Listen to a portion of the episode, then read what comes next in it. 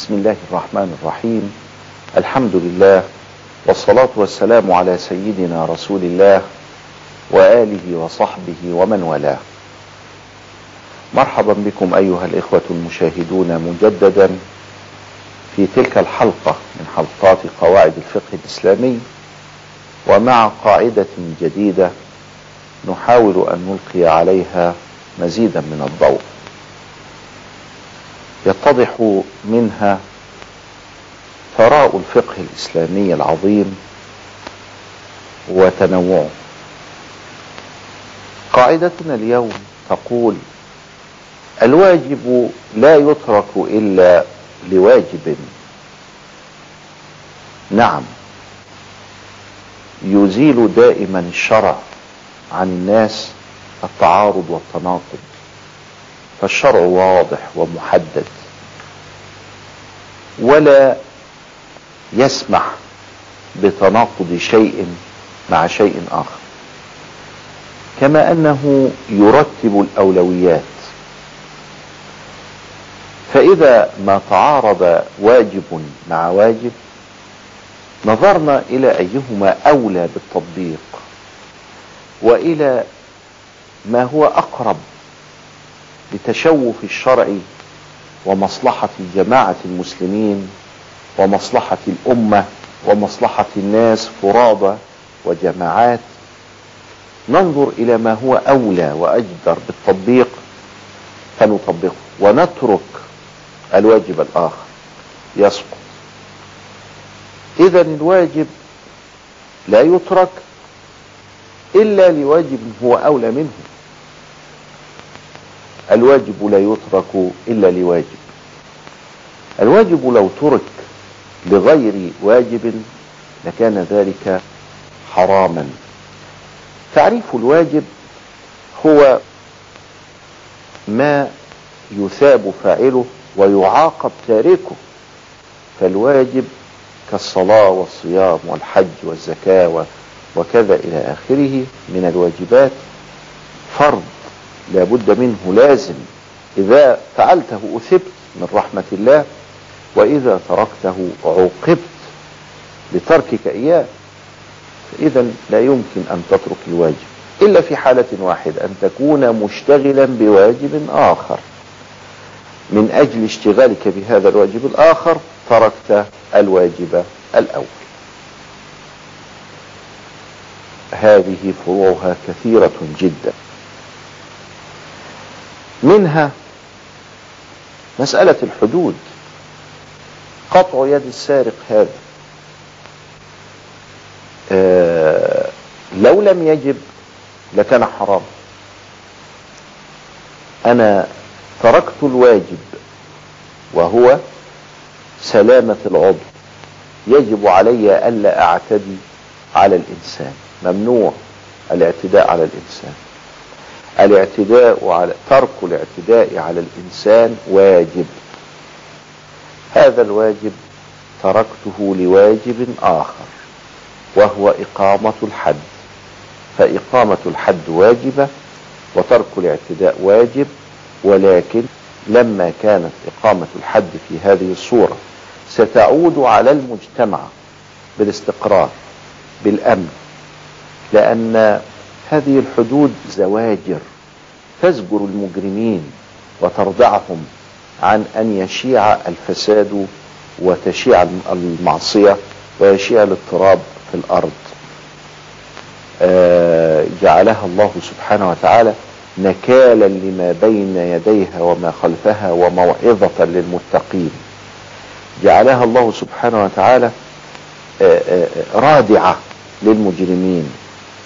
إذا فلم يعد هناك مجال للاعتداء سبحان الله قطع اليد لو لم يفرضه الله سبحانه وتعالى لكان حراما بأصل التكريم. ولقد كرمنا بني آدم ومنع الاعتداء. ولا تعتدوا إن الله لا يحب المعتدين. لكن هذه الواجبات سقطت لإقامة الحد. لما في إقامة الحد من خير عميم؟ مثلا وجوب أكل الميتة للمضطر. الميت حرام.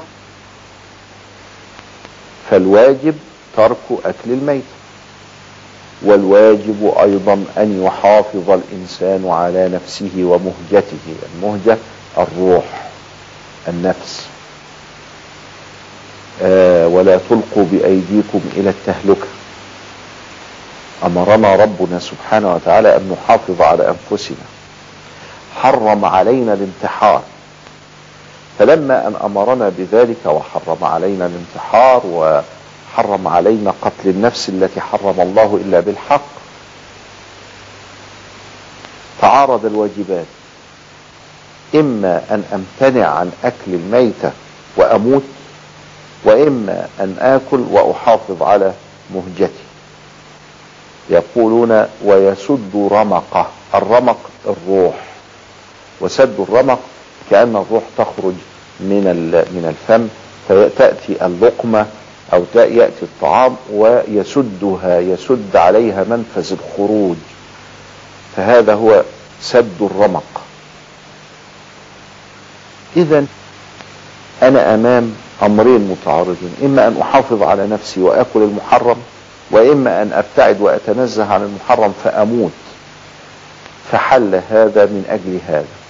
فإن الواجب وهو ترك المحرم الميتة لا يترك إلا لواجب آخر وهو واجب الحفاظ على النفس.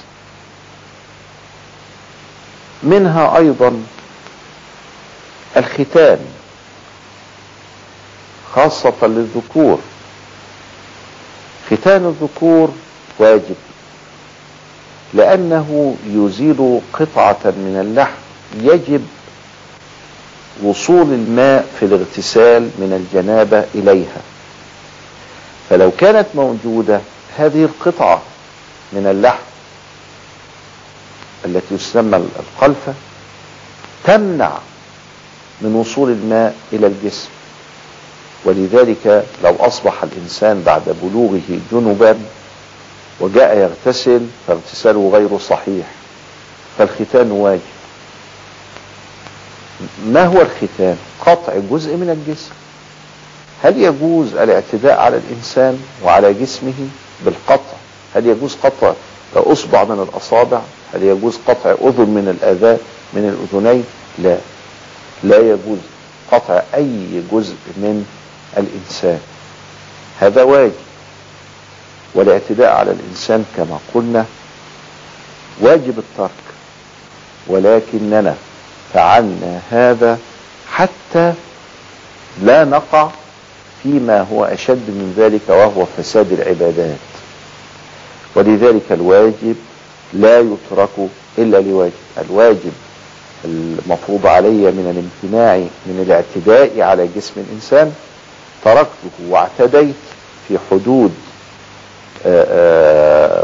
محددة وهي إزالة هذه القطعة من من اللحم من جسم الإنسان وهي كأنها زائدة مثل ما يزيل الطبيب اللوذتين اللوذتين أو يزيل الطبيب المصران الأعور عند الحاجة إلى ذلك.